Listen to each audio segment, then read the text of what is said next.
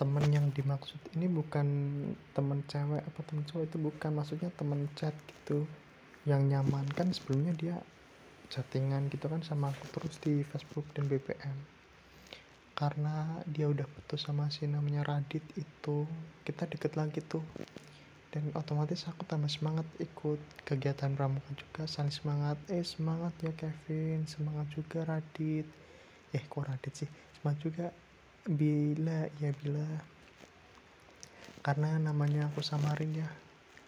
Kalau aku bilang langsung pasti pada tahu dong.